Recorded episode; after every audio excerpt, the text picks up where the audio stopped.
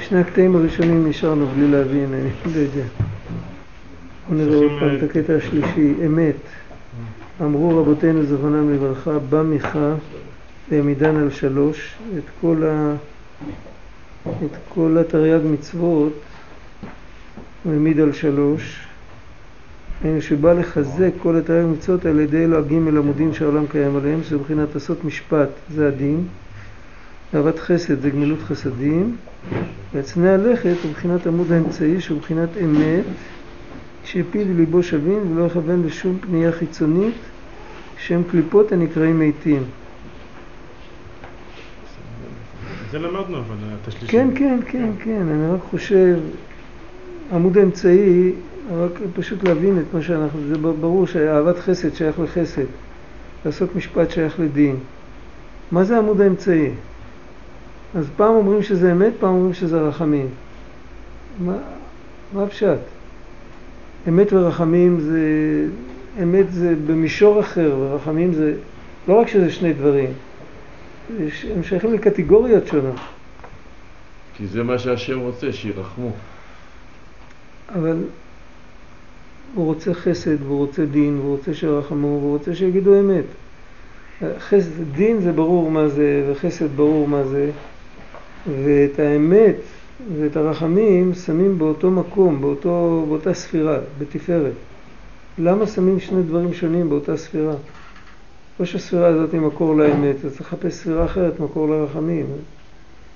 אז זה בגלל שאנחנו לא מבינים מה זה רחמים. המושג של רחמים זה להזדהות, זה שאתה שם את עצמך במקום השני, זה ההבדל, מה ההבדל בין רחמים לחסד? בחסד אתה עושה חסד עם מישהו, כי אתה אוהב אותו, ואתה חושב שמגיע לו, ואתה נותן לו. ברחמים אתה נותן לו למרות שלא מגיע לו. אפילו אם כן מגיע לו, לא בגלל זה אתה נותן לו. אתה נותן לו כרחמנות עליו. בחסד, בחסד הקריטריונים, הקריטריונים של חסד הם קריטריונים, קריטריונים מקילים. קריטריונים של דין הם קריטריונים מחמירים. יכול להיות שבן אדם יעשה מעשה והוא ירצה כבוד.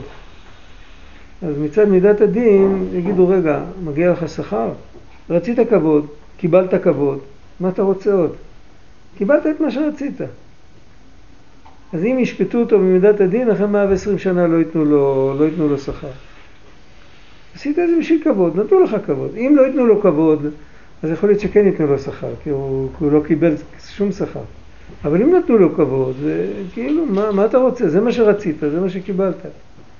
אבל מצד מידת החסד, מידת החסד מסתכלת אחרת לגמרי, מה פירוש? הוא עשה מה שהשם ציווה, הוא רוצה כבוד, אבל הוא לא עשה את זה בגלל הכבוד. אם רק בגלל הכבוד הוא לא היה עושה את זה. בן אדם לא הולך, מחפש, הוא לא הולך לתרום 50 אה, אלף דולר כדי שייתנו לו לוח שיש באיזה מקום שהוא תרם 50 אלף דולר. לוח שיש כזה לא עולה 50 אלף דולר. אפשר גם לקבל כבוד בדרכים אחרות. אם בן אדם עושה משהו, אז, אז הוא רוצה לעשות את המעשה. על הדרך הוא רוצה גם כבוד. אז מה אתה אומר שהוא קיבל את כל מה שהוא רצה? הוא רוצה לשמוע בקול השם. מגיע לו שכר. זאת אומרת, ההסתכלות של החסד היא שונה לגמרי מההסתכלות של הדין. הדין מסתכל, הוא בודק למה עשית, אם זה נקי לגמרי, וכמה עשית, הת, התאמצת? רגע, היה, היה לך קשה לתת מ-50 אלף דולר? אולי אצלך זה כסף קטן, זה כמו שאני פותח את הארנק ואני נותן שקל, מה מגיע לי בשביל זה? זה הקריטריונים של מידת הדין. מידת החסד, יש לה קריטריונים אחרים. קודם כל, אתה, אתה עשית, כמה עשית, כמה שעשית, אבל עשית את רצון השם, מגיע לך על זה כל טוב שבעולם. ובאיזה כוונה שעשית, זה לא משנה. אם כבר אתה עושה את רצון השם, צריך לתת לך. מה יהיה אבל אם בן אדם לא קיים את רצון השם והוא לא יצא ידי חובה אפילו כלפי מידת החסד? מה מגיע לו? כלום, נכון? אבל כולם יקבלו והוא לא יקבל, אז רחמנות עליו. אז בגלל שרחמנות עליו, מצד מידת הרחמים נותנים לו גם משהו. למה זה באמצע? זה היה צריך להיות אה, יותר ימינה. כאילו... לא, אז תכף, תכף, תכף, תכף נגיע לזה. אתה צודק. זה היה צריך להיות ימינה מחסד. כן. תכף נראה. עכשיו, אבל מה, מה זה העניין הזה של מה, מה ההבדל? ההבדל הוא שהוויכוח בין החסד לגבורה זה אם מגיע או לא מגיע, אבל שניהם מודים שמגיע זה, ה, זה הקריטריון. אחד אומר שמגיע על כל מאמץ, אחד אומר שמגיע על מאמץ מיוחד. מידת הרחמים, השאלה שהיא שואלת זה לא אם מגיע או לא מגיע. היא שואלת שאלה אחרת, היא שואלת מה המצב שלו. הוא סובל? צריך לתת לו. עכשיו, מה זה העניין הזה? זאת אומרת, אם תחשוב בין אדם לחברו. אתה רואה בן אדם, אתה הולך לעזור לו בגלל שהוא סובל. נשרף לו הבית, אני יודע מה. הוא סובל, אין לך איתו שום עסק. אתה לא אוהב אותו, אתה לא, אתה לא שונא אותו, אתה לא מקפיד עליו. אני לא יודע, יכול להיות שהוא עושה הרבה שטויות, הוא לא מגיע לו כלום, אבל רחמנות עליו. באותו רגע אתה עוזב את ההסתכלות שלך ואתה נכנס לתוך האור שלו. זה הרחמים. והרחמים, היות, ש... היות שאתה נכנס לתוך האור שלו, אתה צריך לעלות בתוך עצמך כדי להתעורר ברחמים, אתה צריך לעלות בתוך עצמך למקום שאתה והוא זה דבר אחד. אחרת מה פתאום שאתה לרחם על מישהו אחר? הבן אדם בטבע מצד המידות שלו הוא אגוצנטרי, הוא אגואיסט, הוא לא, הוא לא חושב על אחרים. אם אתה מתעורר ברחמים, אתה מרגיש הזדהות, אתה, אתה יכול לרחם על כלב יותר מאשר על נמלה. למה? כשאתה יכול להסתכל לו בעיניים, אתה יכול להרגיש אותו. אז אתה יכול יותר לרחם עליו. מי שיכול לרחם גם על נמלה, אז הוא צריך להיות במדרגה יותר גבוהה מאשר אחד שמרחם על כלב. זה ברור, הוא צריך להזדהות עם מישהו שהוא לא יכול להזדהות איתו, שבאופן פשוט הוא לא יכול להזדהות איתו. רחמיו על כל מעשיו, טבע הגבוה להיות נמשך אל השפל. השם יתברך בעצמו, הוא מרחם ממש על כולם. אז לכן הרחמים היא בצד, באמצע, שהיא תהיה מתחת לכתר. היא עולה יותר גבוה, הקו האמצעי עולה יותר גבוה ולכן הוא יכול לרדת יותר נמוך. זה המושג של הרחמים. מה זה קשור לאמת?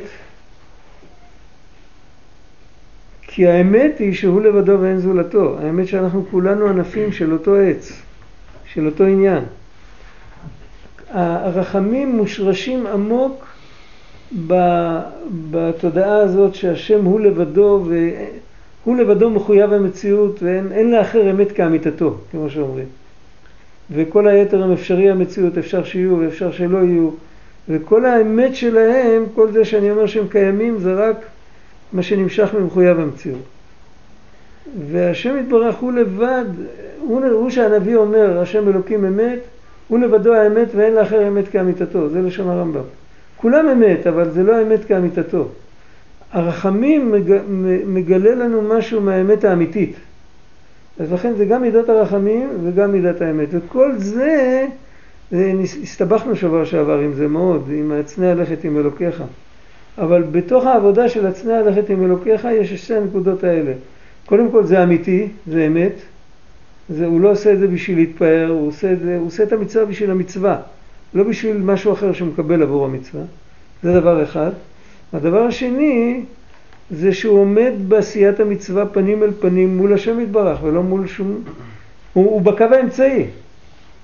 בקו האמצעי אין תערובת של קריטריונים של הנבראים או של העולמות או של משהו. יש נטו את המחשבה של השם, שום דבר אחר לא. זה המהות של הקו האמצעי. אבל הוא עובר אז גם במידת הדין בן אדם שהוא כזה שלם, שהוא עושה רק לאלוקיו. הוא לא, הוא לא מצד מידת הרחמים הוא עובר, הוא עובר מצד מידת הדין. גם מידת הדין היא אמת. מיד... אתה הבנת שמידת הדין היא לא אמת? גם מידת החסד זה אמת. יש מעלה בקו האמצעי שהוא יותר אמיתי מכל הקווים האחרים. אליהו נגיד, הוא, אה? אליהו מצד אחד הוא נקרא איש האמת, ומצד שני הוא לכאורה הנהגה של דין. נכון, נכון. אז איך זה, איך זה מסתדר? נכון, אליהו הנביא זה, זה השגה, השגה של אליהו הנביא. אליהו הנביא זה לא משה רבנו. אחרי כך לא תקום. אנחנו לא אומרים אליהו האמת ותורתו האמת, אנחנו אומרים משה אמת ותורתו האמת. אנחנו אומרים שכל דברי נביאים אמת. אבל גם נבואת- איש האמת. הוא מה? נקרא- גם איש האמת. הוא נקרא איש האמת. היא נקרא איש האמת, בסדר, אבל, אבל זה לא... אני לא יודע מה המידה של אליהו, אם ממקמים אותו בספירות, יש את ה... בספירות יעקב זה האמת, ומשה רבנו זה או נצח או דעת, והדעת זה הפנימיות של, ה... של האמת של יעקב, הפנימיות של התפארת, ושני אלה בקו האמצעי. נצח זה עוד סיפור, למה משה רבנו בנצח זה סיפור אחר, זה לא שייך עכשיו. אבל אם מסתכלים על העבודה של הצנע הלכת, ושל לומר, לדבר אמת, ולחשוב אמת, ולעשות דברים באמת, זה, שזה כלול הכל בעבודה של הצנע הלכת, ובעניין של הרחמים, של לרחם על כל אחד, למרות שלא מגיע לו, זה מגיע מאותה נקודה בנפש. זה מגיע מנקודה של, שהנוכחות של השם יתברך היא דומיננטית, ואני טיפה לטיפה לבצד. משם מגיע שני הדברים. כל מה שאני על הפוקוס, אז אני לא ארחם על השני כמו על עצמי, ובפרט אם הוא רחוק ונמוך וקטן והוא לא ראוי, אני לא ארחם עליו. ברגע שאני שם את הקדוש ברוך הוא במרכז, אז מגיע הרחמים. רחמיו על כל מעשיו. הוא הכי גבוה, אז לגביו כולם שווים. וגם הצנע הלכת מופיע, כי לא, לא סופרים, לא סופרים בני אדם. אבל בסדר, יכול להיות. יכול להיות שיש עוד. האמת, יש הרבה מדרגות של אמת. יש שפת אמת, אמרי אמת. אמרי זה ה, ה, מה שיש בסוף הבגד, כמו בטלית. לאבא קראו שפת אמת, אז הבן קרא בספר שלו אמרי אמת. רק זה מחוץ לשפה. יש שפת אמת, יש אמרי אמת, יש אמת, יש אמת לאמיתתה. יש כל מיני מדרגות. האמת האמיתית הוא לבדו ואין זולתו, וכל אחד כמה שהוא מרגיש את ההוא לבדו ואין זולתו, אז הוא זוכה לאמת יותר, יותר אמיתית. בוודאי, כל נביא הוא אמת. לאליהו יש את המעלות של אליהו, אפשר לדבר על זה הרבה, מה, מה ההבדל בין אליהו למשה, ליעקב, אבל זה לא נכנס פה, זה... על כל פנים, בעולם זה נחשב כאילו מישהו רחמן שהוא יש איזה חולשה? כי זה עולם לא, של זה קליפות. לא האמת, אבל... כי זה עולם של קליפות.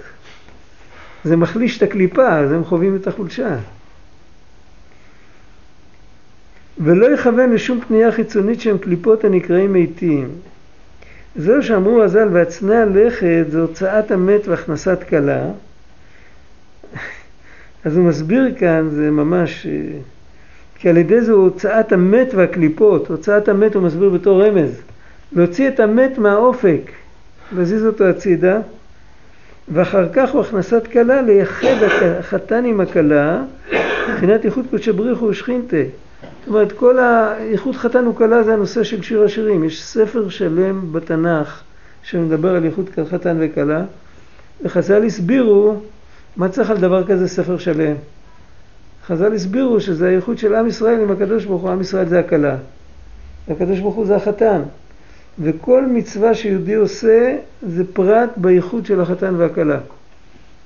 כל פעם שיהודי מתמסר לקדוש ברוך הוא, והקדוש ברוך הוא מאיר בו את הרצון שלו ואת האהבה שלו ש... על זה שהוא מקיים את מצוותיו, אז זה עניין של ייחוד. ייחוד קודשא בריחו ושכינתה על ידי הייחוד שפיו וליבו שווין כנודע. זה נקרא הכנסת כלה, ועל זה, זה כתוב על והצנע לכת. עכשיו גם פה יש הרבה הרבה להסביר? אולי רק נקודה אחת שחבל לפספס אותה. אפשר כאן על כל קטע לכתוב ספר. תבינו, זה מדורות מאוד קדומים, זה לא... הם כתבו למנטליות של האנשים שחיו אז. וכשאנחנו נבין את זה, אז זה ממש, זה ים, אבל אי אפשר לעשות את זה, זה לא שייך. אבל יש רק נקודה אחת, צריך להבין, ייחוד קודשא בריחו ושכינתה בעצם יהיה לעתיד לבוא. שכינתה, מה זה שכינה?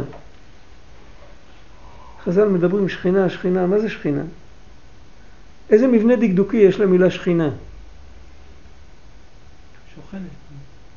זה שם הפועל, כמו עמידה, ריצה, הליכה, שכינה.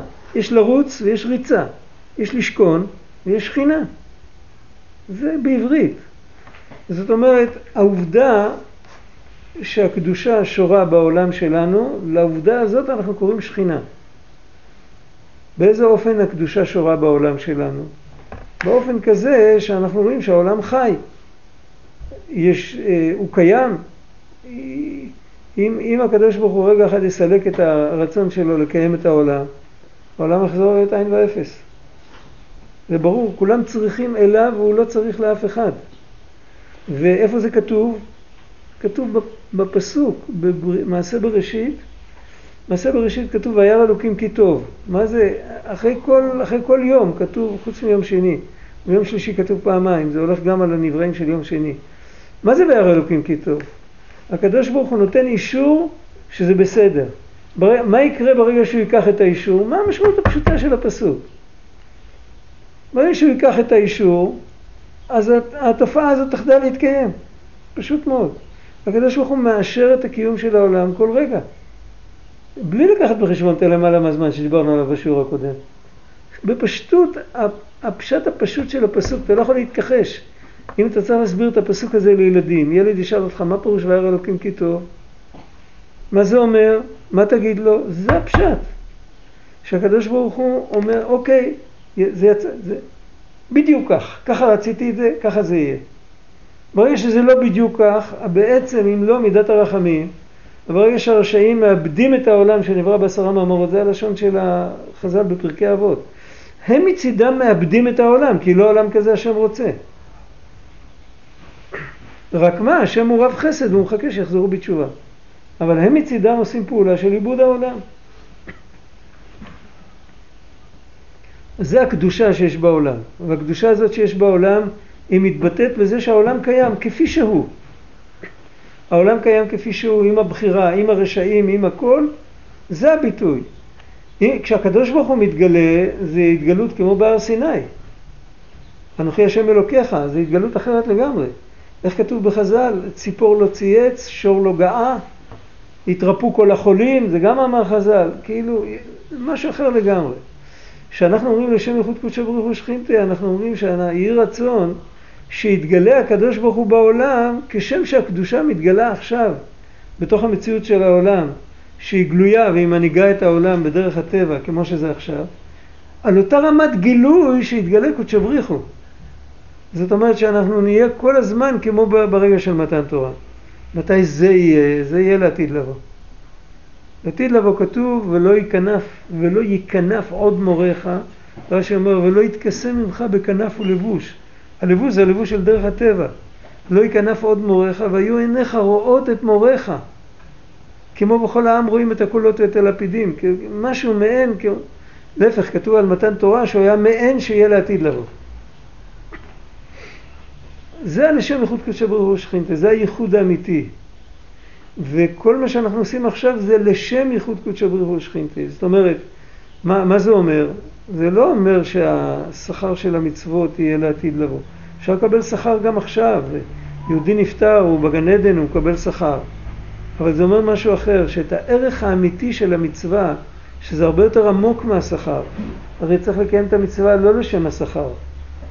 אם מקיימים את המצווה לא לשם השכר, זה אומר שהמצווה עצמה היא הרבה יותר משמעותית מהשכר. הערך הזה יתגלה לנו לעתיד לבוא. עכשיו אין לנו שום כלי להבין את העומק של המצווה. לעתיד לבוא, שהשם יתברך יגלה, איך אנחנו אומרים, גלה כבוד מלכותך עלינו מהרה, והופע וינשא עלינו לעיני כל חי, או שאומרים, וידע כל פעול כי אתה פעלתו, ויבין כל יצור כי אתה יצרתו, ויאמר כל אשר נשמה בא פה, לא מדובר על בני ישראל, מדובר כולם, כל אשר נשמה בא פה, זה כולל בעלי חיים. כמו שכתוב, אותו ביטוי כתוב במבול, וימח כל אשר נשמת רוח חיים באפיו, שם מדובר על בעלי חיים. אז יאמר השם אלוקי ישראל מלאך ומלכותו בכל משלה. זה, זה, זה יהיה גילוי של, זה יהיה ייחוד קודש ברוך הוא שכינתה לגמרי. אז נבין את העומק של המצוות. אנחנו נבין איך המצוות גרמו את הגילוי הזה. כל מצווה מזככת את העולם, רב חיים ויטל כותב, שכל מצווה ממשיכה אור פנימי ואור מקיף, והאור מקיף מצחצח את העולם מבפנים, והאור פנימי מצחצח את העולם מבפנים, והאור המקיף מצחצח את העולם מבחוץ. בסוף העולם הופך להיות שקוף, ואפשר לראות את כוח השם בתוך המציאות של העולם לגמרי, אבל זה הכל בכוח המצוות. את העומק של זה של המצוות שעשינו נחת רוח להשם יתבר, נחת רוח לפני שאמרתי ונעשה רצוני, את זה אנחנו נראה רק לעתיד לבוא. מה שאנחנו אומרים עכשיו לשם ייחוד, זה תפילה שבזכות זה תתגלה מלכותו, זה תפילה. זה לא הצהרה, זה תפילה. לשם ייחוד קודשא בריך ושכינתה. זה, זה העניין. התפילין יש להם קדושה, נכון? שנייה, רק, רק לגמור את הזה, נפסקתי רק בשביל לנשום. אז ה, ה, הייחוד הזה מרומז בשיר השירים. הייחוד הזה שהתגלה לעתיד לבוא, כל, כל הייחוד הזה מרומז בשיר השירים, ועל זה חז"ל אמרו, איך הוא מביא את הלשון? הצנע הלכת זה הוצאת המת והכנסת כלה. להוציא את המת זה ל, ל, לנטרל את הקליפות, להוציא אותם אל מחוץ לאופק, שהם ייעלמו, אה, ועל זה כתוב, יתאמרו, אה, יתפרדו כל פועלי אבן, וכתוב עוד, אה, אה, יש כל מיני פסוקים על העתיד לבוא, כאילו, את רוח הטומאה אוויר מן הארץ, זה צד אחד, זה נקרא הוצאת המת, זה תלוי ב"ואצנע הלכת", תכף נראה, צריך לחבר את הקצוות פה. והדבר השני זה הכנסת כלה, לשם ייחוד קודשא בריך הוא שכינתי, כל זה תלוי בהצנע הלכת.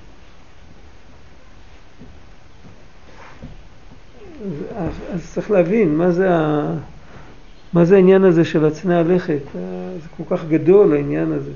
אז הכל הוא מסביר את זה עם זה שהוא אמר קודם שהצנע הלכת כולל את, את ספירת התפארת, כולל את הרחמים ואת האמת. אז הרח... זה מידה כנגד מידה, אם בן אדם מרחם אז uh, הוא גורם גילוי אלוקות בכל העולמות, הגילוי אלוקות כזה גדול יכול לבוא רק מצד הרחמים, אפילו לא מצד החסד, כי לא מגיע לנו גילוי אלוקות כזה גדול. מגיע לנו שכר על העבודה שלנו, אבל לא גילוי אלוקות כזה גדול. זה, זה העניין של, ה, של הרחמים. והעניין של האמת זה שכל השאיפה הזאת של השם איכות קודשא בריחו זה לגלות את האמת האמיתית. הרי אמרנו, הוא לבדו האמת ואין לאחר אמת כאמיתתו. ולעתיד לבוא יתגלה האמת האמיתית, שזה אמיתתו. הרחמים. כן, האמת. אז, אז היות שזה, הלשם ייחוד הזה, זה נמצא, כל הכוח, אנחנו אומרים את זה בפה, אבל מה ההתנהגות שמתאימה אם בן אדם שלא יהיה אדם דובר שקרים לפני המקום? הוא עושה מצווה, הוא אומר שהוא עושה את המצווה לשם ייחוד, אבל למעשה הוא רוצה להתפאר בפני הקהל או בפני האנשים, בפני החברים שלו. זה לא הולך ביחד, זה לא יכול להיות, כי אתה אומר דבר אחד ואתה מתכוון דבר אחר. אז אם בן אדם באמת עובד על הנקודה הזאת של הצנע לכת, תכף נחשוב איך עובדים על זה, אחרי שנשמע אותך. אולי אתה תגלה לנו. אז עם השאלה מגלים הרבה. אבל אם בן אדם עובד על הצנע לכת, אז הוא לכל הפחות רוצה באמת את הלשם מחוץ קודשא בריאה, אפילו אם עוד לא הגיע להצנע לכת, אבל זה הכיוון שלו. אז זה כבר לא נקרא דובר, דובר שקרים בפני המקום. מה רצית לשאול? לא, זה לא כל כך, אה, זה מה שדיברנו בהתחלה, אבל... כן. אתם יכולים... לא, כאילו, הקדושה... כן. והתפילין זה קדושה, נכון? כן. אז זה שכינה שכאילו השם שוכן פה? זה, כן, שהשם כן. שוכן? אז זהו, אז יש הרבה דרגות בקדושה, יש עשר קדושות. ארץ ישראל קדושה, ערים מוקפות חומות קדושה, ירושלים קדושה, הר הבית קדוש, חומת העזרה, עזרת נשים, עזרת כהנים, יש המון המון, עזרת ישראל, היכל, קודשי הקודשים, יש המון דרגות בקדושה. וכל מקום, כל מקום שיש יותר קדושה, אז מתגלה יותר קדושה של הקדוש ברוך הוא. ההבדל בדרגות זה ההבדל בגילוי, בהתגלות. כמו שאתה מגדיל את הווליום. הדיבורים נמצאים, כשאתה מגדיל את הווליום אתה שומע אותם יותר טוב. זה ההבדל, זה לא ההבדל בעצם. כי בעצם אז אה, מלכותו בכל משלה. איך עובדים על עצמי הלכת? דיברנו על זה שבוע שעבר. זוכרים מה שדיברנו? עשרת הפניות. הצנע לכת זה לא דבר שצריך להילחם איתו עם. הרצון הזה למצוא חן בעיני אחרים הוא רצון בסיסי שנמצא פחות או יותר אולי סביבתי קצת, אבל הוא נמצא מגיל גן והלאה אצלנו, אצל כולנו. אבל אף על פי כן, דבר שמאוד חשוב לנו, אנחנו לא חושבים על אחרים. לנשום. מישהו נושם כדי למצוא חן בעיני אחרים? הוא להרוויח כסף. הוא לא יכול בלי זה, הוא חייב את זה. אז אותו דבר, אם בן אדם מבין לעומק שלעבוד את השם זה החיים שלו, אני אומר כבר פחות, פחות, פחות ופחות. מיום ליום הוא שם פחות ופחות לב למה שאחרים רואים אותו או מה שהוא עושה וכל זה. זה הנקודה, וזה זה, זה, זה, זה, זה תפנית שהוא עושה, שהוא משנה את הרצון שלו. הוא, לא, הוא עדיין לא השתנה לגמרי עוד, הוא נהנה מהכבוד שנותנים לו, הכל בסדר, הוא כבר לא רוצה את זה, הוא לא מחפש את זה. זה כבר, כבר עבודה גדולה. ולעשות טוב והרע ייפול מאליו בעצם, מה שרבנו אומר. שלעשות הרבה טוב והרע ייפול מאליו. כן, כן, זה על דרך זה, כן. חשבתי את המילים האלה כשאמרתי את זה. הרב, וכל המהלך של הרחמים, שזה האמת לאמיתה, זה מקביל להלכות ריבית בהלכה ה', מה שרבי נתן... זה המקביל ל... להלכות ריבית הלכה ה', מה שרבי נתן אומר שם? כן, כן, כן, כן, כן. אנחנו נגיע לזה בסוף. יותר מאוחר בהלכה, כן, כן. זה מאוד קשור, אני לא רוצה להאריך עכשיו.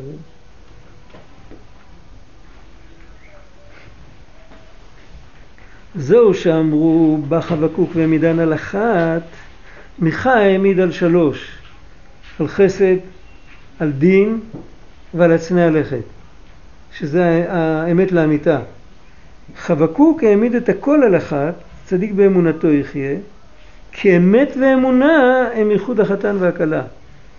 הוא לקח את האמת של מיכה, שם במקום זה את האמונה. אז לאן האמת נעלמה?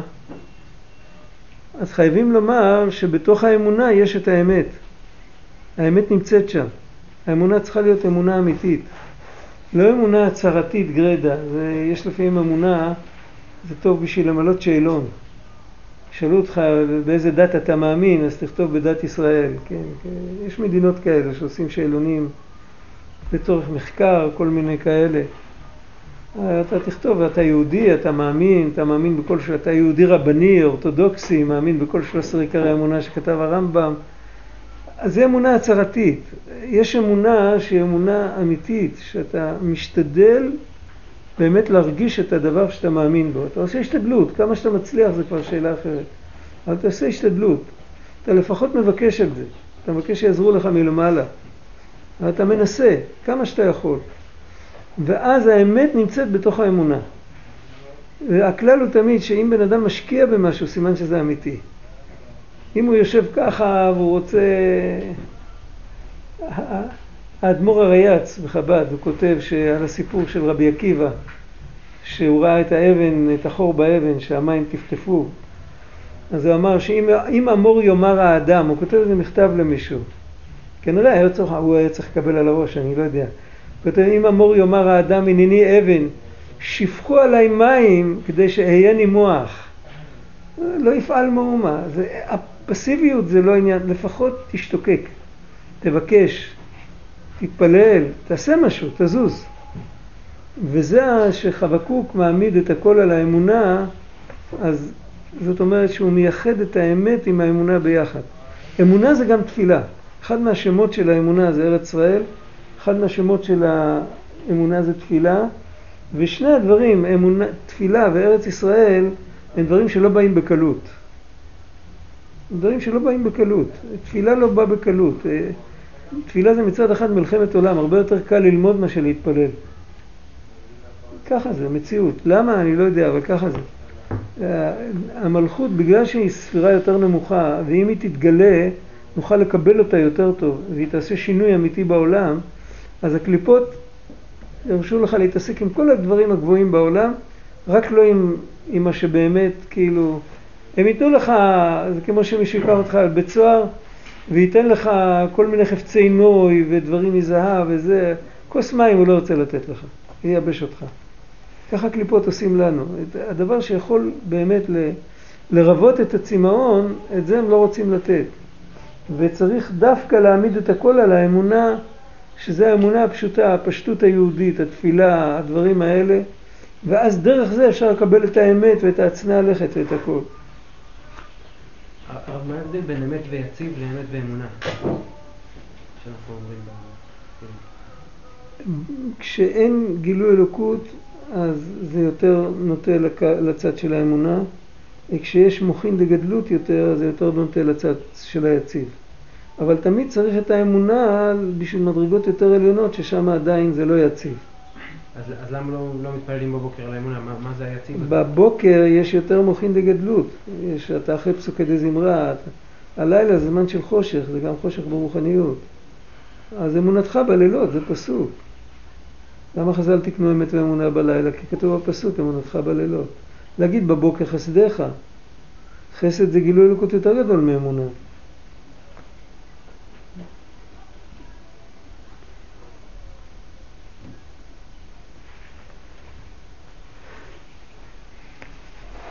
והכלל, הכלל כאן זה כאילו, זה בעצם זה, זה ביטוי, זה יידישיזם, זה ביטוי ביידיש. ביידיש כשמישהו מעריך יותר מדי, אז השומע רוצה להגיד לו, בקיצר, כאילו, אז אומר לו, הכלל, זה, זה הביטוי, גם, הם גם כתבו ככה הרבה פעמים, שכתבו בעברית הם כתבו ככה. הכלל, והכלל שיהיה תורתו ועבודתו באמת ואמונה, פיו וליבו שווים, בין כשהוא עם בני אדם, בין כשהוא בעצמי הלכת וכולי. זה דגל מחנה אפרים, לא, זה תולדות יעקב יוסף, פרשת כי תצא. שמעתי ממורי,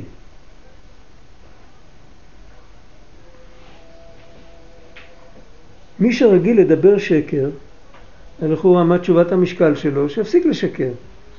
אבל שם טוב נותן לו עוד תיקון. אז תשובתו שלא לדבר שקר, גם לעשות שלום. לא רק לא לדבר שקר, אלא גם לעשות שלום בין אנשים. שזה עוד יותר ללכת לכיוון של האמת יותר.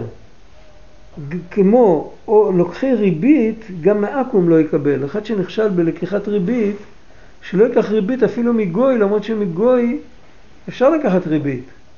אבל אתה נכשלת בזה, אז תתרחק מזה. ודברי פי חכם חן. לא תמיד שקר עושה מחלוקת, אבל אה, שקר זה הרבה פעמים לקבל כיסוי. אה, לא- אם אתה משקר כדי ששניים אחרים לא יריבו, אז יש לך מצווה גדולה. אבל אם אתה, אם אתה עושה פשלות ואתה מחפה עליהם בשקר, זה פשע. ו, ובסוף נהיה מזה מחלוקת, מחלוקת גדולה, הרבה יותר שאם היית אומר את האמת. יכול להיות שגם ככה היו מקפידים. אבל אם אני עוד נוסף לזה שאני עושה דברים שלא צריך, אני עוד משקר, ואני... זה הכעס הכי גדול מגיע לבן אדם כזה. אז הוא צריך לראות, הוא עשה מחלוקת, אפילו הם חולקים עליו, לא משנה, אבל הוא... לפעמים בן אדם בוכה שחולקים עליו, הוא לא מבין שעם ההתנהגות שלו הוא בעצמו, הוא עבר על לפני עיוור לא תיתן מכשול, לכן חולקים עליו. הוא משניא את עצמו על אחרים. ו...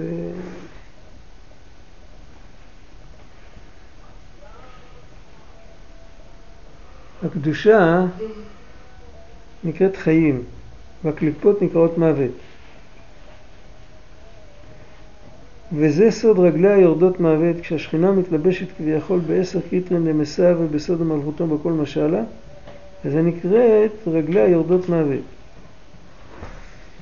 מה זה קליפה? קליפה זה המציאות החיצונית של העולם, שאם היא חושבת שהיא העיקר. זה ההגדרה של קליפה.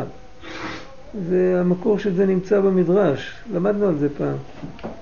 כתוב במדרש בפרשיות של, אה, או בשמות או בבארה, שישראל במצרים היו כמו גרעין של חיטה, ששומע את המוץ ואת התבן מתווכחים, כל אחד טוען שהשדה נזרעה למענו, כדי שהוא יגדל, והגרעין יושב בפנים ואומר נו נו, יגיע בסוף נראה עבור מי נגדל, עבור מי זרעו את השדה, אחר כך בא הזמן של הגורן וזורקים את כל המוץ ואת התבן ואת הכל הצידה ולוקחים את הגרעינים. אז ככה ישראל היו במצרים והיו שם מצרים, היו הרבה כל מיני אומות העולם, זה היה אימפריה. וכל כל אחד אמר שהוא הכי חשוב. על היהודים לא הסתכלו מה הם היו שם, עבדים. אז, אבל, אז שם כתוב הביטוי קליפה במדרש לגבי דבר שהוא פחות חשוב, הוא רק אמצעי, והוא חושב שהוא המטרה. וזה בעצם ההגדרה של קליפה, גם המושג קליפה שכתוב בספרי קבלה, זה בדיוק, זה ההגדרה שלו, זה לא כל דבר חיצוני הוא קליפה. דבר חיצוני שחושב שהוא המטרה, באותו רגע הוא מקוטלג כקליפה. אחרת הוא כלי לקדושה. אה, השולחן הוא לא המטרה, אבל הוא גם יודע שהוא לא המטרה. הלימוד על השולחן הוא המטרה. האוכל הוא לא המטרה, הוא יודע שהוא לא המטרה. זאת אומרת, האוכל אין לו ידע. הבן אדם צריך לדעת שהאוכל הוא לא המטרה. הוא אוכל שיהיה לו כוח לעשות מה שצריך. אבל הוא לא נולד כדי לאכול.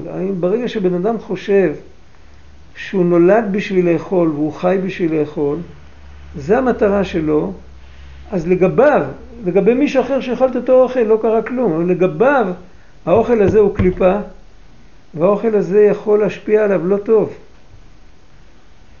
כן. אז זה קליפת נוגה, זה כשר, זה לא קליפות טמאות, אבל זה קליפה. זה המחשבה שלו, למה זה האוכל, זה הקליפה. זה לא המחשבה, זה, זה השקפת עולם. לחשוב, בסדר. אתה יכול לחשוב מה שאתה, אתה יכול לחשוב ששתיים האוכל שתיים הוא זה לא חמש קליפה. עשרה. האוכל לא קליפה. האוכל לא קליפה, זה הגברא, זה לא החפצה. אז התפיס- התפיסה שלו היא קליפה. מה? התפיסה שלו. זה התפיסה. אבל התפיסה הזאת שורה על האוכל. כי הוא עושה, הוא מייצר את זה. כן, אם מישהו אחר ייגש לאוכל ויברך בכוונה ויאכל לשם שמיים, הקליפה הזאת לא תשרה על האוכל. אפילו אם לגבי- יש לו תפיסה של אה, של קליפה. לא, אם הוא, אם, הוא, אם הוא אוכל לשם שמיים אז כבר אין לו תפיסה של קליפה. תפיסה לא. של הקליפה זה שהאוכל זה העיקר. הוא- הוא מבטא את זה. הוא עושה מצוות כדי שהשם ייתן לו אוכל. הוא חושב כל היום על ארוחת צהריים, אז האוכל זה עיקר. לא, אבל כשהוא מגיע, הוא לא, מברך לא, בכוונה. לא. עוד פעם, זה, יש, יש איזו קליפה בלב שלו שחושבת על האוכל כל הזמן, אבל הוא מצידו, הבן אדם, הוא לא רוצה להיות שפוט של המחשבה הזאת. הוא מנסה לסלק אותה, היא מגיעה עוד פעם. אז זה לא, אז הוא לא נמצא, הוא נמצא במקום טוב. אבל אם בן אדם באמת חושב שהעיקר, תגיד, תגיד לו להפחית באוכל, אז הוא יגיד, אז כאילו, אז בשביל מה אני חי? איך- אה, כל יהודי ולא אוכל, אתה יודע מה אוכל זה לא דוגמה טובה, כסף. כן. כסף דוגמה הרבה יותר מדויקת. פה. כן, כסף דוגמה מדויקת. אף בן אדם לא חושב שהוא חי בשביל שיהיה לו כסף. הכסף נועד לאפשר את החיים, לא החיים נועדו לאפשר את הכסף. אף על פי כן יש אנשים שנכנסים למשבצת כזאת, שהם כל הזמן באובססיה שיהיה להם יותר כסף. יש להם כבר כל כך כסף, כל כך הרבה, שהם כבר לא יודעים מה לעשות עם זה. הם חיים למען הכסף. באותו רגע הכסף הופך להיות קליפה, הכסף בולע אותם, הוא משתמש בהם, כמו שהם השתמשו בו. זה קליפה. אבל כשהם נותנים צדקה, מה קורה? ברגע מה? שהם נותנים צדקה, האנשים האלה, שהם נותנים צדקה, אז הם שוברים קליפה. אז הם שוברים, שוברים קליפה אחת, אז שוברים משהו יותר עמוק בפנים. תלוי עם איזה, עם איזה לב הם נותנים את הצדקה. תלוי, גם בנתינת צדקה זה סקאלה. יכול להיות שהוא נותן את הצדקה, הכי גבוה זה שהוא נותן את הצדקה כי השם אמר, וזה שייך להשם. פחות גבוה זה שבגלל שהנטייה הטבעי שלו, הנטייה הטבעית שלו זה שהוא אוהב לתת. עוד פחות מזה זה בגלל שהוא רוצה שיכבדו אותו. עוד פחות מזה בגלל שהוא רוצה שהנודיק יסתלק, אז הוא נותן לו משהו שילך. יש בזה, זה סקאלה. יש עשר דקות בצדקה, תסתכל ברמב"ם בהלכות מתנות כן, עניים, כן. מתן בסתר, זה הולך כמו עצני הלכת שלמדנו בקטע הקודם. הטור מביא את זה גם. יש בזה, זה, זה לא פשוט, ככל שזה יותר טוטאלי, אז יותר מעביר אותו לצד של הקדושה, את הבן אדם. ו- והטוטלי זה תלוי במובן מאליו שלך? כמה ש... ומה זה תלוי? עדיין לא, זה המובן מאליו זה עבודה קשה, זה צריך להגיע, זה בסוף החיים מגיעים לזה, עזוב את המובן מאליו. בהשתדלות שזה יהיה המובן מאליו שלך. אתה משתדל על זה, אתה רוצה את זה, אתה מתפלל על זה. בא אליך יצר הרע, אז אתה, אתה מגרש אותו, אתה מסיח את הדעת. אתה חושב על דברים אחרים. זה עדיין לא המובן מאליו, המובן מאליו שלך שאתה חי בשביל כסף, בשביל אוכל ובשביל תאוות. זה המובן מאליו. בסדר. אבל אתה לא נותן לזה אישור, אתה לא, אתה לא מסכים עם זה. אתה מתפלל על זה בהתבודדות שזה יתהפך. אתה לא רוצה, אתה, אתה חושב שזה זה מקרקע אותך. זה, אתה בבית סוהר של התפיסה הזאת. ככה אתה מסתכל, אתה מסתכל על זה כעל בית סוהר, לא כעל דבר אמיתי. ברגע שיהודי מסתכל ככה, הוא כבר לא, הוא לא שפוט של הקליפה. ורבנו אומר את זה במפורש, רבנו אומר שהעיקר זה הרצון. לא פירוש העיקר זה הרצון, אבל אתה עדיין למטה. אבל אם אתה רוצה להשתחרר, אתה מכיר שזה לא בסדר, שזה הבית סוהר שלך, אז אתה כבר לא חלק בלתי נפרד מזה. אתה נמצא פה בינתיים, אבל זה לא הכתובת שלך. אם בן אדם חושב שהבית סוהר הזה זה גן עדן, אז הבית סוהר הופך להיות הכתובת שלו. אנחנו צריכים לראות שהקליפה לא תהיה הכתובת שלנו. שהכתובת שלנו יהיה מה טוב אוהליך יעקב. שזה יהיה, כמו שאומרים, אה, אני תקוע בפקק, אז אני בינתיים פה, אבל זה לא הכתובת שלי. אז מה זה לא לשמה? מה? מה עם הלא לשמה? לא לשמה מדובר על מצוות. בסדר, אבל אבל יש פה איזה משהו... בסדר. כאילו, אתה מנצל את הקליפה לעשות מצווה. כאילו. לא, הוא- הוא לא מנצל את הקליפה, הוא מנצל את המצווה כדי להגיע לאיזה משהו בקליפה. זה מאוד גרוע. אבל היות שהוא רוצה שזה רק יהיה שלב, כן. הוא יודע שזה רק שלב, הוא רוצה שזה יישאר רק שלב, אז הוא כבר לא, הוא לא משועבד לקליפה. אבל אם הוא באמת טוב לו עם מה שלא לשמה הזה, אז באמת המצוות הוא עושה, אבל ה- כוחות הנפש שלו עדיין במקום לא טוב. נוח לו שלא נברא. הרב גד, אבל בקליפה טמאה, סתם אוכל אסור. איך שייך בזה העניין הזה של ה... כמו המוץ והתבן? זה לא שייך כל כך המשל הזה. ב- כן שייך. יותר יש? לזה, יש לזה מטרה שאני אסתכל על זה ויתחשק לי ואני לא אוכל. אד- אדרבה, פה המטרה הרבה יותר קרובה. בכיכר לחם המטרה היא שאחרי כמה שעות אני אעשה עם זה עבודה. פה אני עכשיו עושה עבודה. יש לזה מטרה. המטרה של הדבר הזה זה כדי שיהודי יעשה אבל מה- ואם הוא חושב, החזיר נברא כדי שלא יאכלו אותו. ואם הוא חושב שהוא נברא כי צריך אותו, אז הוא קליפה, רק החזיר הוא anyway קליפה, אז אין מה לדבר. אבל אם הבן אדם, אה, כאילו, הבן אדם חושב שצריך את הדבר הזה, והוא לא מבין שצריך אותו כדי להתגבר עליו, אני לא יודע, יכול להיות שיש עוד תפקידים לחזיר, חוץ מזה שאוכלים אותו. במישורים האלה יכול להיות שהוא חלק משרשרת המזון וחלק מהאקולוגיה וחלק מכל מיני דברים, זה בסדר גמור. בזה אין בעיה. הבעיה היא אם אתה מסתכל עליו כעל אוכל, אתה מבין אותי? פירות של עורלה, הם במהות אוכל. אם בן אדם מסתכל שבעצם זה נברא בשביל שיאכלו את זה, רק מה הוא יעשה ואבישע בשמיים גזר עליו, אז הוא זורק את זה. כן, אז זה טוב מאוד, אבל לא ככה צריך להסתכל. צריך להסתכל שזה נברא כדי שאני אוכל להגיד מותר האדם מן הבהמה אין. אתה יודע מה צבי חשן אמר פעם? אני בן אדם, אני יכול להגיד לעצמי לא. בעל חי לא יכול, בן אדם יכול. וכדי לגלות את המעלה הזאת, נתנו לי דבר כזה, שיעצבן אותי ושאני אעמוד בזה. זהו. לדעת שאני צריך לשמוע בקול השם. אז יש כאן עבודה לעשות, זה לא שאין עבודה, כאן אני. מתכוון אבל כמו, כמו אה, מה יותר חשוב. בנוגה יש לך, אתה אומר, אני, אני חי בשביל האוכל, או... פה זה לא מה יותר חשוב, זה רק, זה לא. זאת אומרת, זה לא בדיוק אותו... בסדר, אבל, אבל כשאני חושב למה הדבר הזה קיים, אני יכול לקבל שתי תשובות. אני יכול לקבל, לקבל תשובה שהדבר הזה קיים כי, כי הוא נחמד והוא נעים והוא וכו' וכו' וכו', ורק מה אעשה ואבי שבשמיים גזר עליי, זו תשובה נכונה, אבל זה לא מספיק. צריך להבין שכל המציאות של הנבראים, התכלית שלהם זה שיעבדו איתם את השם. הגוי יכול לעבוד עם זה את השם אם הוא יאכל את זה, ויקבל כוח, ויקיים את שבע המצוות שלו. והיהודי עובד עם זה את השם על זה שהוא נמנע מזה. ותמיד המטרה של הדבר זה שיעבדו עם זה את השם, כל אחד לפי העניין שלו. אין דבר בעולם שהוא לא קשור עם הפנימיות, שהוא הוא עומד בפני עצמו, אפילו איזה כוכב רחוק. אז תמיד, אם, אם תיטול אותו מהגלקסיה, אז יכול להיות שפה ישתנה משהו, ואז לא יהיה את השיקול של הבחירה. רבנו אמר פעם, כל מה שאתה יודע אודותיו, הכל למען הבחירה. לא משנה איפה זה נמצא, כמה רחוק זה ממך, תמיד זה למען הבחירה, שהבחירה תהיה בדיוק 50-50. אז צריך כל דבר בש- בשביל עבודת השם. זה בראשית בשביל ישראל, בשביל התורה שנקראת ראשית. זה הפשט.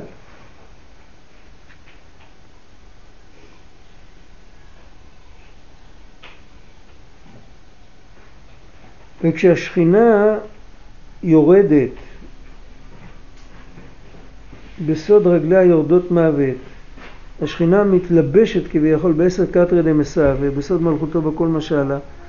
והבעלי בחירה בעולם לא מבינים שהשכינה זה העיקר והכל האלה זה רק טפל.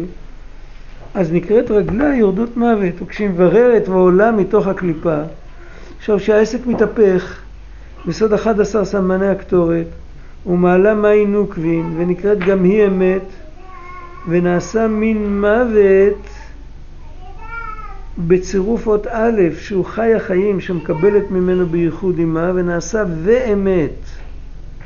זה אחד מהתיקונים, הי"ג תיקוני דיקנה, זה ואמת, תיקון ואמת, שם יש גילוי אלוקות מאוד גבוה, כנודע בסוד קטורת, ומין מת נעשה אמת, שהיא דבוקה זה בסוד החיים,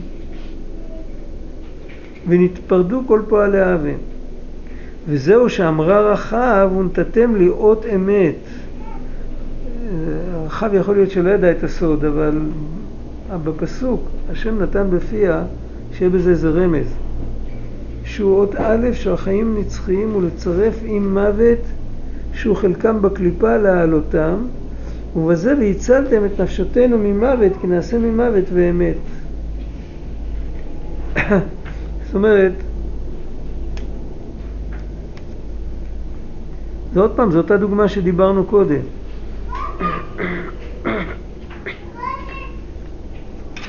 זה הכל תלוי בעבודת האדם. יש עבודה להוציא את השכינה מהקליפות. מה אמרנו? מה זה השכינה? השכינה זה גילוי אלוקות שמתגלה במציאות של העולם. הגילוי אלוקות הזה הוא היות שהוא מכוסה בדרך הטבע, אז הוא, הקליפות מעלימים עליו. אפשר לשכוח את השם, עצם העובדה שאפשר לשכוח את השם, כבר העלמה גדולה. אף אחד לא ישכח לנשום. איך אפשר לשכוח את השם? אתה נשמה לכל הנשמות וחיות לכל חי, כך כתוב בשערי ציון. איך אפשר, איך אפשר לשכוח את, את הנשמה, את הנשימה? אי אפשר. זאת אומרת שהשכינה היא בגלות, כמו בן אדם שנושם ולא יודע, לא מודע לזה שהוא נושם. הוא חושב שהוא לא צריך חמצן. משהו כזה. הוא לא צריך את הקדוש ברוך הוא, מסתדר עם, עם דרך הטבע, מסתדר עם הכל. זה נקרא שהשכינה בגלות.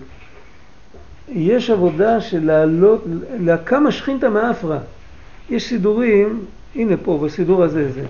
כמעט על כל השם ייחוד, הוא כותב להקמה שכינתא מאפרא. אה, בסידורים אחרים זה לא כתוב. יש כאלה שגורסים שרק, אה, שרק בעלי מדרגות אה, יגידו את זה. אבל סתם, סתם לא אומרים את זה. אבל אף על פי כן יש עבודה להקמה שכינתא מאפרא. איך, איך מקימים שכינתא מאפרא? בפועל. איך עושים את זה? אז יש חלק שזה כל הנושא של תיקון חצות ושל אה, אה, הבקשות על צמח דוד ועל ירושלים ועל אה, מקבץ את עמו ישראל. כל העניינים האלה שמבקשים על גאולה ועל משיח וכל זה, זה, ה... זה לקם שכינתא מאפרא. זה עבודה אחת, עבודה בתפילות. עבודה אחרת זה כשכל פעם שבן אדם נתקל באיזשהו מניעה. יכול להיות מניעות חיצוניות, יכול להיות מניעות פנימיות, יכול להיות אה, מחשבה לא טובה, יכול להיות מידה לא טובה. כל דבר. אה, הוא רואה שהוא לא, לא הולך בדרך נכונה, והוא לא מרים ידיים, הוא לא מתייאש, והוא הופך את זה למשהו שיגרום לו להתקרב יותר לקדוש ברוך הוא. הוא אומר, אם אני, הוא פותח את העיניים ואומר, אם הגעתי למקום הזה, סימן שאני צריך מהר מהר לקחת את עצמי בידיים. אם כבר מתחיל להתחשק לי דברים כאלה, סימן שאני במקום לא טוב. זה מרומז בחז"ל בכמה פעמים, יש אה, שם סיפור ש... אני לא רוצה להיכנס לזה עכשיו, סיפור ארוך, שאמרו למישהו, רשע, בכך אתה מסתכל. זאת אומרת, כל הסיפור לא נוגע, אבל האמירה הזאת, זה כמו שאומרים, אם אתה כבר מסתכל על דברים כאלה, מי יודע איפה אתה נמצא. כן? עכשיו, אם בן אדם שומע אמירה כזאת, שם מדובר על בן אדם ששמע את זה ממישהו אחר. וזה זה רק הוריד אותו עוד יותר, זה לא משנה הסיפור. אבל אם בן אדם שומע את זה מעצמו, הוא שומע, הוא שומע את עצמו, אומר לעצמו, או שהוא רואה את זה בספר, או שחבר טוב מעיר לו, או משהו, הוא רואה שהוא הולך בדרך לא טובה. אז יש לו דרך, והדרך הלא טובה, הוא הולך בדרך הלא טובה כי הטבע משך אותו, הדרך הטבע משך אותו.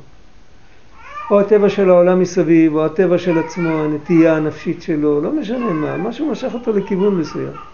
ויש תופס שזה לא כך, וזה לא סתם שהוא משנה כיוון, אלא שהוא לוקח את עצמו ביתר שאת וביתר עוז, כפליים לתושייה. הוא משנה כיוון כמו בן אדם שעוד דקה הוא נכנס לתהום, והוא מהר מהר בורח משם, הוא מקבל המון אנרגיה לברוח. זה ברור? שמראים לך פתאום שאתה טועה בדרך, אתה עוד מעט נכנס למקום שרק נכנסים ולא יוצאים. אז אתה, אתה עושה פרסה ואתה בורח כל עוד נפשך בה, כל עוד נפשך בך, כן? זה ברור לגמרי. אם בן אדם תופס את עצמו שהוא במקום לא טוב, יש לו תמיד שני דרכים, יש לו דרך אחת, להרים ידיים, הוא יגיד מה אני יכול לעשות, זה המציאות. או שזה המציאות החיצונית, או שזה המציאות שלי, איך אומרים ככה אני, כן? יש לפעמים יהודי בן 13 אה, שנה ויום אחד שכבר אומר ככה אני כמו זקן בן 80. הבן אמר שאסור להיות זקן. זה, זה אופן אחד. יש אופן אחר שאומר מה אני אעשה? כאילו כל אומות העולם נגדנו וכל העולם נגדנו וזה המציאות וזה, זה, מה אפשר לעשות? אם הוא מבין שהוא במקום לא טוב, הוא בורח משם והוא מתקרב, אדרבה, זה, זה הופך להיות הזרז לקרב אותו לקדוש ברוך הוא, אז מבחינתו הוא השתמש נכון עם ההסתרה של העולם. אז הוא הקים שכינתא מאפרא. את הקטע שלו הוא תיקן. כי כל מה שהשכינה ירדה עד עפר זה כדי ליצור מציאות שבה אפשר להתנסות בחוויה כזאת ולהפוך אותה. להפוך אותה עם, עם המון כוח, יותר מה שבלעדי זה, אם סתם היה לומד ספר מוסר ומתעורר, זה לא היה מביא אותו למקום כזה. ברגע שהוא רואה שהוא עומד לפני שוקת שבורה, אז הוא מקבל המון כוח. ואם הוא מנצל את זה, תמיד היצר הרע מחכה לו ואומר, עזוב, כאילו, זה יצר הרע מיוחד שהעבודה שלו לקחת אנשים צעירים ולהפוך אותם לזקנים. הוא בא עם, עם, עם סיר עם צבע, צבע לך את הזקן בלבן ואת הגבות בלבן, זה גיל יותר מבוגר. וכאילו הופך אותך זקן, זקן לגמרי בנשמה, ברוח, בנפש, הכל. ברגע שיהודי זורק את היצר הזה החוצה, הוא מקים שכינתא. זה, צריך לזכור את זה, זה וזו הזדמנות יש לנו בזה כמה פעמים כל יום. כאילו שכאילו, עזוב אותי, מה אתה רוצה ממני? אני כבר אמות ככה. זה טעות. כל העולם נברא בשביל לתקן את הדבר הזה. אנחנו נשאיר את זה פה, נתפלל עכשיו. להתחדש כאילו? לא גמרנו, מה? להתחדש? כל העולם נברא בשביל להתחדש? כן, כן, זהו, זה סוג של התחדשות. אבל זה לא סתם התחדשות, אלא זה התחדשות עם, עם 180 מעלות, עם, עם, עם ככה, עם שינוי כיוון. וכש... זאת אומרת, בקיצור, כשיש חדשות רעות, יש לנו כוח להפוך אותן לחדשות טובות. זהו. כשאני, כשאני קולט כמה נמוך אני, אני יכול עם זה לתפוס את עצמי עם הרבה יותר כוח מאשר עד, עד שקלטתי. כי לצאת ממקום נמוך פתאום מקבלים כוחות נעלמים. ו... זה כמו מקפצה. זה מקפצה, ממש. כל קשת בנויה ככה, כשאתה מושך את החץ אחורה הוא הולך יותר קדימה. כל שאתה מושך יותר אחורה הוא הולך יותר קדימה. כל קשת היא מקפצה. חז"ל אמרו שקשת, קשתי זה התפילה. התחדשות, הסתדר הכל? טוב, לא משנה, אין לי כוח עכשיו. כן. התחדשות זה רק השתנות? את המילה הראשונה לא שמעתי. התחדשות? התחדשות לא כוללת לא. השתנות. זה מה שאני שואל, התחדשות זה תוספת חיות או שזה השתנות? יש התחדשות זה כותרת. מתחת לכותרת הזאת אתה יכול התחדשות בלי השתנות והתחדשות עם השתנות. יש שני סעיפי משנה, שניהם מתחת לכותרת של התחדשות. ותוספת חיות? אה? ואם יש יותר חיות, תוספת חיות זה... נכנס? תוספת חיות, אז זה גם בגלל שאתה מבין שהקדוש ברוך הוא שם את הנשמה שלך בגוף עוד דקה.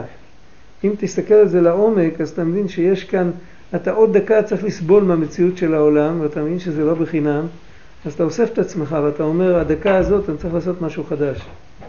אני, אני לא, אני מקבל אותה לא בזכות הדקה הקודמת, אלא בזכות השם. נכון? אז גם כן, מה, בעצם מה שמעורר כאן זה הנקודה הנמוכה שהנשמה בתוך הגוף. רק זה לא, זה לא חטאים, זה לא, זה לא טעויות, אבל עצם זה שהנשמה בתוך הגוף היא נותנת פוש. אה, מן המיצר קראתי י"ק.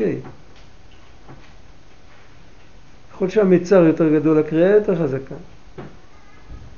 כל התפילות שלנו בתוך הגוף זה מן המיצר. הגוף הוא עצמו המיצר. מצד שני הוא עונה לי במרחב. אה? מצד שני הוא עונה לי במרחב, הוא עונה לי במרחב, הוא לא עונה לי במקום הצר. הוא עונה, באופן של רחבות. כאילו הוא מרחיב את המיצר.